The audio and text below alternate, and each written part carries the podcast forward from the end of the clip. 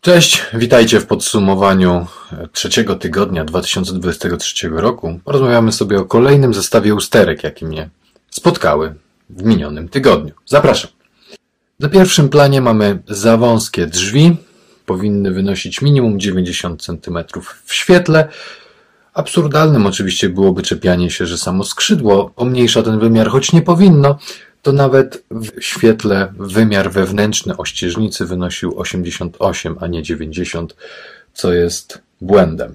Oczywiście nieśmiertelne za wąskie zabiegi schodów. Niestety nie ma wentylacji, jest dużo wilgoci i nam to pleśnieje. Rynna ma przeciwspadek, woda nie spływa do rury spustowej, krzywa listwa apu. Estetycznie chcielibyśmy, żeby to wszystko było proste. Kolorystyka płytek. Idealnie by było, żeby wszystkie były takie same. Rysa posadzki, brak tynku na cokole, brak pionu, tutaj filmik z YouTube'a. E, śmiali się, że, że, że, że się trzepią, no ale centymetr na dwóch metrach przyznacie, że to trochę za dużo. Zespolić e, uszczelkę, wilgoć, wilgoć technologiczna, no i uszkodzenie wyłącznika nadprądowego.